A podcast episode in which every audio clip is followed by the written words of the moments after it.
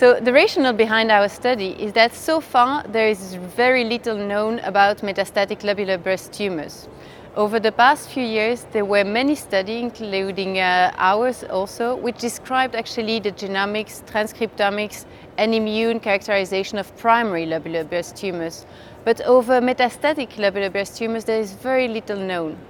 So this is why we started uh, several years ago to collect different samples uh, from metastatic lobular breast cancer patients over six European institutions. And what was important in this study and very unique, I think, is that we aimed to collect the matched primary and metastatic uh, tumor sample for each of these patients.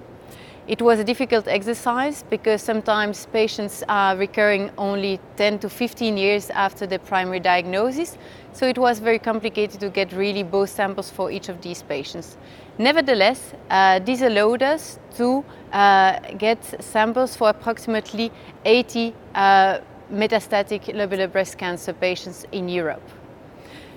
With that, what we wanted to do is really to better understand what are the changes occurring during primary uh, to uh, metastatic uh, lobular breast tumors. What are the changes involved in the progression of the disease or in the resistance to treatment?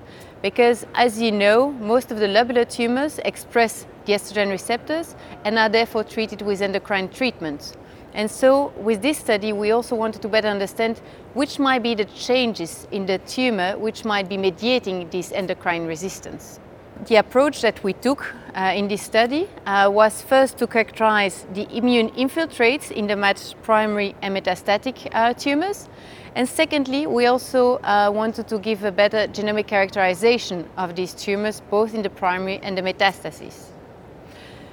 The messages that uh, we found in these studies are the following.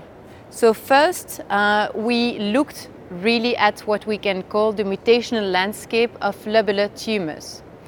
And here, in the metastatic setting, an important message is that we found differences between metastatic estrogen receptor positive lobular tumors with their ductal counterparts, which are the most frequent cancers. And many of these genes that we found were very uh, consistent with a, a, very recent study that was published just two weeks ago so in uh, Annals of Oncology. And this really highlights some consistent changes in biology between these two most common histological subtypes of breast cancer. Then a second uh, finding of our study is that we identified in this match setting by comparing the primary and the metastasis from the same patients, we were able to identify changes which were then occurring in the metastasis and which could be associated with disease progression or with endocrine resistance. And we identified changes at the mutation level and changes at the copy number level.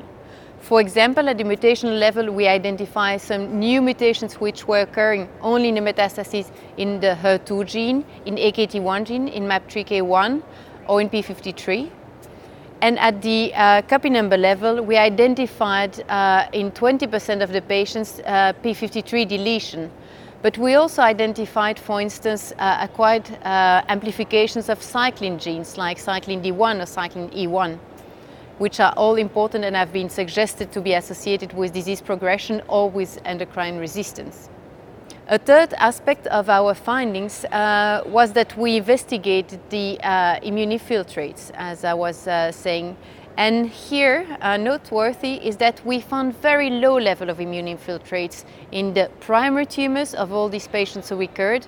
And these levels were lower, statistically lower, than in a cohort of primary lobular breast cancer patients which were taken consecutively, so not all recurring.